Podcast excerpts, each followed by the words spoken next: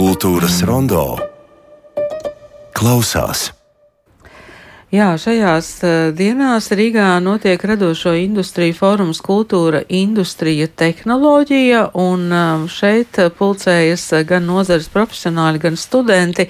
Mm, tā ir iespēja mm, būt klāt diskusijās un pieredzes apmaiņās gan par jaunākajām tehnoloģijām kultūras un izklaides industrijā, gan kā tām nekļūt par pašmērķi radošajā procesā. Fóruma pirmajās dienās un tajās norisēs vakar ielūkojās man kolēģi Māra Rozenberga, kur šeit ir studijā. Sveika, Māra! Sveika! Vai ieguvīja kaut kādu jaunu līdzsvaru stāstā par tehnoloģijām un radošumu? Vispār tas bija ļoti interesanti paraudzīties uz kultūras nozari no šī skatu punktu, jo mēs biežāk šeit studijā runājam par to satura pusi un ar, tiekamies ar radošajiem. Tā viņus mēs parasti klasificējam kā radošajiem radošos eh, pārstāvis, bet šis ir vairāk tāds eh, nu, tehniskā nodrošinājuma mm, kompāniju pasākums. Es domāju, lielākais industrijas pasākums šajā gadā, bet, ehm, nu, protams, ka kā, katrai industrijai ir vajadzīgs tā, tā platforma, kur sarunāties, kur apmainīties ar idejām, kur mm, dalīties pieredzē, diskutēt arī par aktuālām tēmām. Bet e, interesanti, ka, ka tās radošās industrijas, starp citu, kas ir, nu, kā studiju programma šobrīd, man liekas, pati pieprasītākā un populārākā kultūras akadēmijā.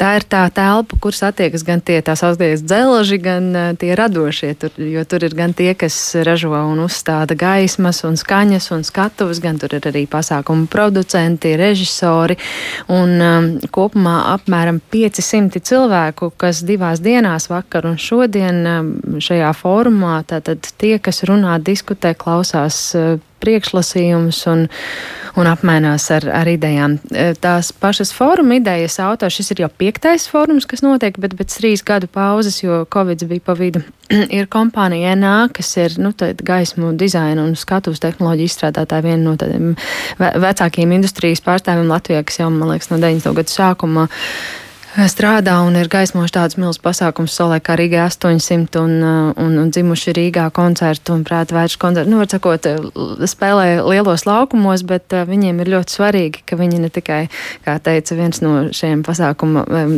rīkotājiem un arī kompānijas līdzdibinātājiem Aldis Janevits, ne tikai pelna naudu, bet arī veido šo platformu sarunām, jo, jo tā viņuprāt ir ļoti, ļoti svarīga daļa no tā, lai tā industrija varētu tā kā kopīgā solī iet uz priekšu. Tāpēc es ar Aldiju Nevicu arī apsēdos uz sarunu vienā no pasākuma starpbrīžiem un uh, jautāju arī viņam, kādas tad tēmas šoreiz ir viņu uh, rīkotā fóruma diskusiju centrā. Šogad mēs esam nonākuši līdz tam, kad ir interesanti parunāt par tehnoloģijām un kā tehnoloģijas ietekmē tieši tradicionāls pasākumus un vai tehnoloģijas neiziet pa priekšu tradīcijai un kas tad īsti ir cilvēks pasākumā, un vai galu galā arī cilvēks pasākumam ir vajadzīgs. Vai pietiek tikai ar tehnoloģijām, jo, diemžēl, pandēmijas laiks uzspieda mums visiem pasākumus, kur svarīgi bija tehnoloģija, un kur cilvēks pat palika maliņā, vai tikai varēja viens pats baudīt pasākumus. Un mums, kā pasākumu rīkotājiem, kā komandai un kā cilvēkiem, kuriem nodrošina tehnoloģijas, no savas puses tomēr ļoti negribētos, lai pasākums paliktu tikai tehnoloģijā, jo svarīgs ir tomēr cilvēks, gan tas, kas ir uz skatuves, gan tas, kas ir zālē. Un otrā tēma ir um, izglītība, mākslīgais intelekts un kā tad savaldīt mākslīgo intelektu, bet atgriežoties pie tā paša, lai paliktu tomēr kamēr mēs vēl esam un kamēr ir mūsu uzskati, tomēr lai paliktu galvenais cilvēks skatuves un cilvēka emocijas un patiesums.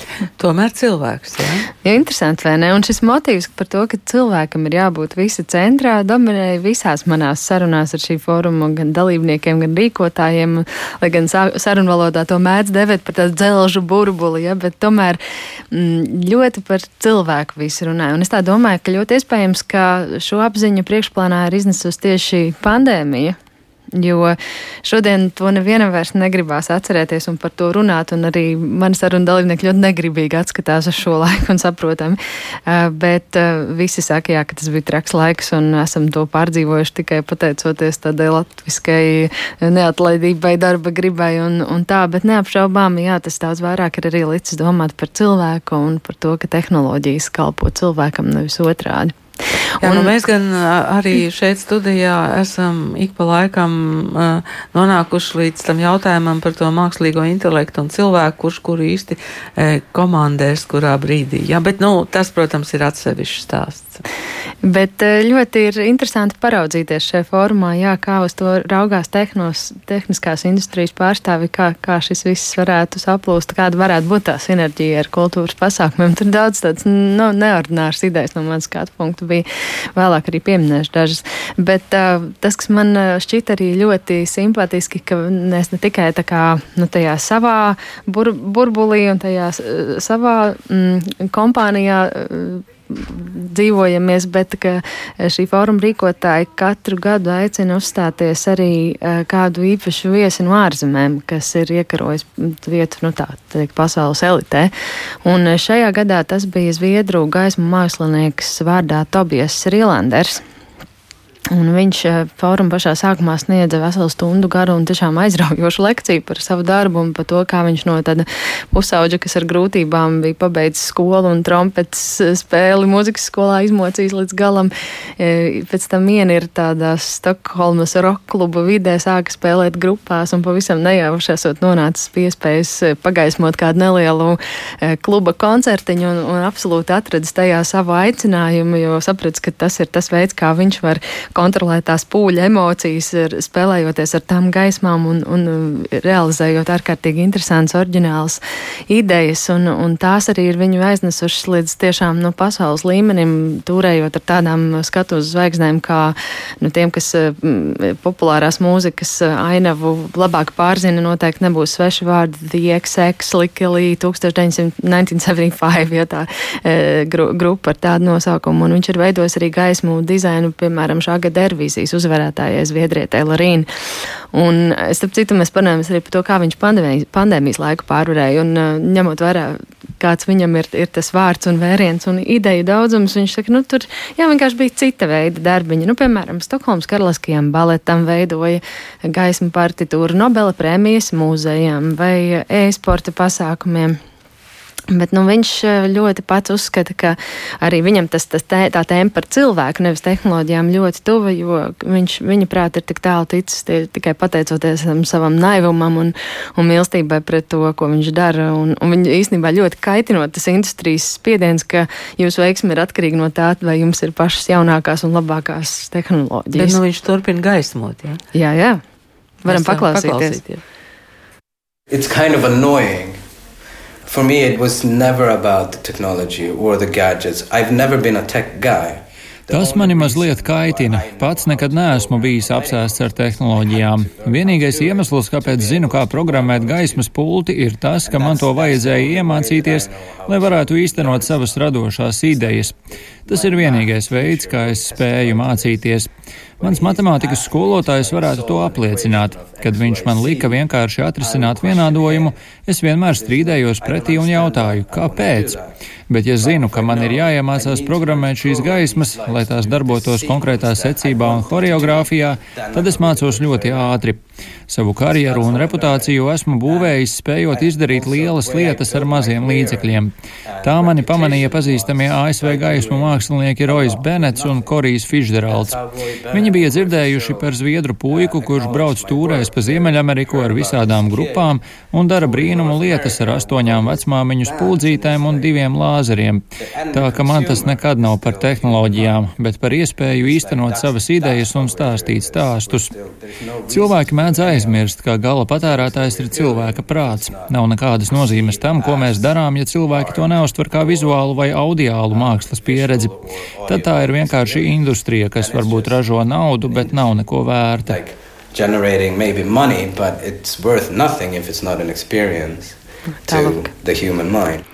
Tobijas Rīlanders no Zviedrijas gaismu mākslinieks. Viņš man pēc tam jautāja, kādi cilvēki ir bijuši auditorijā. Viņš nebija tur visus varējis saskatīt, un viņš bija ļoti priecīgs dzirdēt, ka no tiem apmēram 500 dalībniekiem daudz bija arī studenti. Un to patiešām nevarēja nepamanīt, ka jau pašā sākumā daudz no viņiem tur bija pielipuši dažādām e, tehnoloģijām, kas tika arī demonstrētas pasākuma sākumā, un, un arī Rīlanderā tiešām ar atvērtu muti daudz klausījās, jo nu, viņš tāds jauns puisis, ne, bet jau 20 20 gadus industrijā strādā un ar tādiem vārdiem uh, bijis kopā. Un, un, un, un šī pelnušķītas stāsts varēja redzēt, ka nu, daudziem daudzus uzrunāja.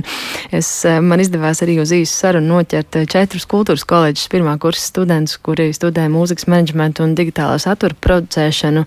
Tagad turpinājumā varēsim dzirdēt Didis Jurovs, Lauras Skoradīhina, Ingars Haridonos un Selva Tetere šeit redzēt industrijā strādājoši, kā piemēram iepriekš bija runātājs, kas ir vadījis gaismu šovus priekš arī 75, kas ir ļoti populāra grupa, man liekas, un prieks dzirdēt, ka mēs varam ne tikai skatīties koledžā teorētisko daļu, bet redzēt reāli industrijā strādājošos, un mēs redzam, ka mēs tur arī varam nonākt. Tas nav nereāli.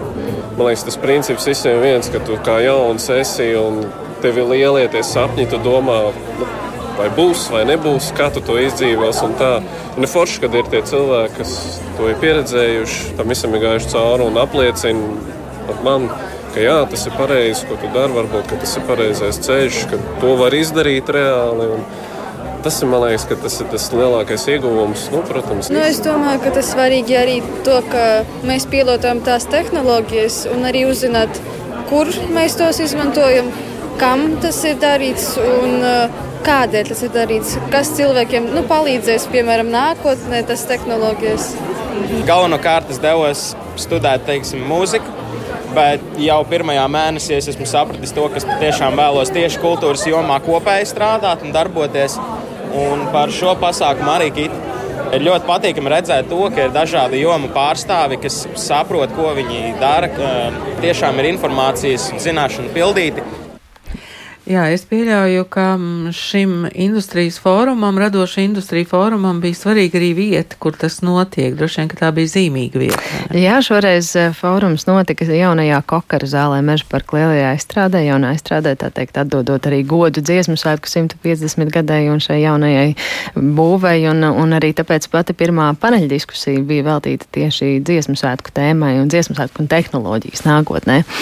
Un eh, bija vispār ļoti interesanti vērot, kā šī svētku svētku tēma rezonē tādā tehniskākā publikā, nekā mēs varbūt ierasts esam run, nu, pieraduši runāt par to svētku saturu. Bet šeit uzreiz ir jautājums, kāpēc, piemēram, dziesmu svētkos ne, jūs neizmantojat papildinātās realitātes iespējas? Mums taču ir cilvēki, eh, te, eh, speciālisti, kas varētu to nodrošināt, vai arī uh, sarunas par to, ka jā, ir stipri par garu koncerts vai nu, dažādi, dažādi šādi tipa jautājumi. Un, um, par to bija vesela stundu gara diskusija, kuras, protams, tagad neatstāstīšu, bet man šķiet, ka savu sajūtu ļoti trāpīgi noformulēja šo svētku koncerta uh, koru koru lielkoncerta tīrums režisors Juris Jonēls. Varam paklausīties mazu fragment no tā, ko viņš teica šajā diskusijā.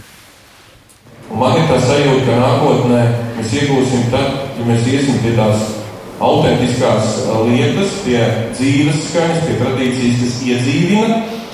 Nevis aiziesim tādā amerikāniskā smaidā, Jā, tādā patiesībā, bet to, kas mēs esam man tā šķiet. Un tās tehnoloģijas, par kurām šodien, man liekas, vairāk jārunā, būtu ir kā padarīt to momentu, kad uh, ienākot kādam koristam, estrādē ieraugot uh, ūdeni, mūsu scenogrāfiskā graudā nebūs pirmais jautājums, kurā brīdī vai kurā dziesmā jūs palaidīsiet ūdens strūklakus ar kaut kādu skaistu projekciju. Un tas manī, protams, raisa uzreiz jautājums pats. Nu, es esmu tagad līdz vilties gan koristam, gan uh, skatītājiem, jo nebūs nekāds stūklaks šovs tur. Un tad ir jautājums, kā mēs strādāsim to, ka dziesmu svētki iet laikam līdzi, iedzim to tradīciju ar tām tehnoloģijām, kā smalki novariet. Kad uh, tā tehnoloģija arī palīdz to būtību izcilt, saglabāt to pašu rituālu. Laku režisors Juris Jonēls tas bija. Un vispār jau svarīgi, jā, ir domāt par to, ka tās radošās vīzijas ar vien vairāk iet roku rokā ar tehnoloģiem. Par to arī runāja vēl viena paneļa diskusijas dalībniece, producente Diāna Čivli. Kā viņa teica, tas laiks, kad uh, kaut ko nevarēja dabūt, ir pagājis. Mēs šobrīd varam dabūt pilnīgi visu, bet ir arvien svarīgāk domāt par to, kā mēs, protams, ar to strādāt un ko no tā visa dabūjam ārā, jo gal galā tehnoloģija ir tikai... tas ir vajadzīgs. Nu, jā. jā, jā. Tehnoloģijas iekļaujās, un te es vairs nesaku, ir rīks vai palīdzīgs līdzeklis. Es saku, iekļaujās šīs kopējās idejas veidošanā un radīšanā. Jo tas tā, man liekas, ir tā it kā šķietama nianse, bet tomēr ļoti liela atšķirība. Vai tehnika un tehnoloģija ir palīglīdzeklis, vai tā ir daļa no Un man liekas, ka tieši šajā laikā dzīvojot, eh, tehnoloģijas un eh, tehniskie rīki un palīgi līdzekļi visi ir daļa no kaut kā viena kopīgā. Un, ja mēs uz to teiksim, tā skatāmies un tā to ievērtējam, ja, tad viss saliksies pa vietām. Tā robeža nojūg tajā brīdī, kad ir uh, spēcīgs mākslinieckais efekts. Jo tajā brīdī dziedātāji sāk radīt, izvelkot vēl citu teiksim, lapiņu, ja, kas eh, ir sudrabā tajā brīdī, jo viņiem liekas, ka tā vajag darīt. Tajā brīdī skatītāji taisa vilni vai izvelk savus lukturīšus ārā. Ja. Un tā ir tā, nu, tā kopradas sajūta, tā, kas rada to nu, lielo dziesmu svētku atmosfēru un to lielo dziesmu svētku brīnumu. Tātad eh, faktiski arī šajā formā tika runāts par eh, dziesmu un deju svētkiem atskatoties un domājot droši vien par nākotni. Mm, mm. Jā, jo, nu, ja man, teiksim, jautā par tehnoloģijām un, un šiem lielajiem svētkiem, es domāju, tāda lielā robežšķirtne manā galvā ir 2001. gads Rīgai 800, kad bija ūdens ekrāns ar uh, Ojāru Vācieti, un pāris gadus vēlāk savukārt bija Eirovīzija Rīgā, kur bija tie video ekrāni uz grīdas pirmo reizi, un man liekas, ka tās ir tādi, tādi divi lieli notikumi, kad tiešām bija tā sajūta, ka tās tehnoloģijas ienāk ar tādu, kad nu, uz, uzliek tādu ļoti augstu latiņu, ka pēc tam jau ir grūti atkāpties no tā, vai ne? Un tad ir jādomā par to, kā tad nepazaudēties šajās tehnoloģijās. Un tieši tāpēc man bija interesanti publikā vēl ieraudzīt arī kā dalībnieci šo, visu, šo abu lielo pasākumu producents kādreiz jau Brigitu Rozenbriku. Un es jautāju, kā viņa redz, nu pati savulaik producē šos pasākumus, kā tad nepazaudēties tam cilvēkam, varam vēl mazliet arī viņu paklausīties. Es pilnīgi piekrītu šim viedoklim, ka ir jāprot atrast to samērīgumu. Jo skatoties, nu, teiksim, arī dziesmu spēkos, bet vēl spilgtāk tas izpaužās šajos starptautiskos Eirovīzijas šovos, kur ar katru gadu arvien vairāk šīs te tehnoloģijas, un brīžiem jau ir tā, ka tu izmisīgi mēģini saskatīt to punktiņu uz, uz tās milzīgas stadiona izmēra skatuves, kas visa midžinās un, un, un, un, un virpuļo un, un griežās, ieraudzīt, kur tad ir tas dziedātājs. Un, uh, man šķiet, ka nu, vismaz es tā pamanīju, ka jau šajos starptautiskos aerovīzijas kaut kur jau tiek jau kāpts šis solīts atpakaļ. Un šīs tehnoloģijas jau tiek domāts par to, lai tās būtu kā radošs papildinājums. Jau bišķiņi esam nonākuši līdz tam, ka sāk domāt vairāk kā izcelt šo mūziķu skatuves un, un šo priekšnesumu konkrēto. Es ļoti ceru, ka arī dziesmu svētkos. Nu, to parādīja šogad, piemēram, koncerts Tīrums, kas man likās vienkārši fantastisks, kur ir iespēja šīs te tehnoloģijas izmantot, lai paspildinātu radošo domu, bet nevienu mirkli tās nebija traucējošas. Un, manuprāt, tas ir tas. Uh, nu, tas virziens, kurā vajadzētu iet. Es ļoti ceru, ka arī tajā nākamie svētki arī ies, lai tas būtu. Tehnoloģijām ir jākalpo šīs radošās idejas spilgtākai izpausmē, nevis otrādi. Tālāk, Brigita Rozenbrika, bet eh, pabeidzot vēl domu par dziesmu svētkiem, eh, kā man vēl citā sarunā teica Tālstautsnam direktora Dace um, Obadovska, tehnoloģijas tas viss ir ļoti jauki un šāds tehnoloģijas, protams, ir svarīgs, bet ko man dod tehnoloģijas, ja katru sezonu esmu spiest sākt ar to, ka man nav diriģentu, ka man trūks tautas deju kolektīvu vadītāju, ka man trūks bērnu deju kolektīvam un eh, šī profesija ir maz apmaksāta un tāpēc šīs viņas prāt būtu īstais laiks runāt ne tikai par, par tehnoloģiju mērķiem, bet tieši par procesu. Jā, paldies Mārai Rozenbergai. Es ceru, ka tas eh, jautājums par eh, kolektīvu vadītāju atalgojumu un tam līdzīgi tas, eh, tas paliks kultūras ministrijas dienas kārtībā, un tas noteikti tiks runāts arī mm, dziesmu un deju svētku izvērtēšanas konferencē 2. novembrī.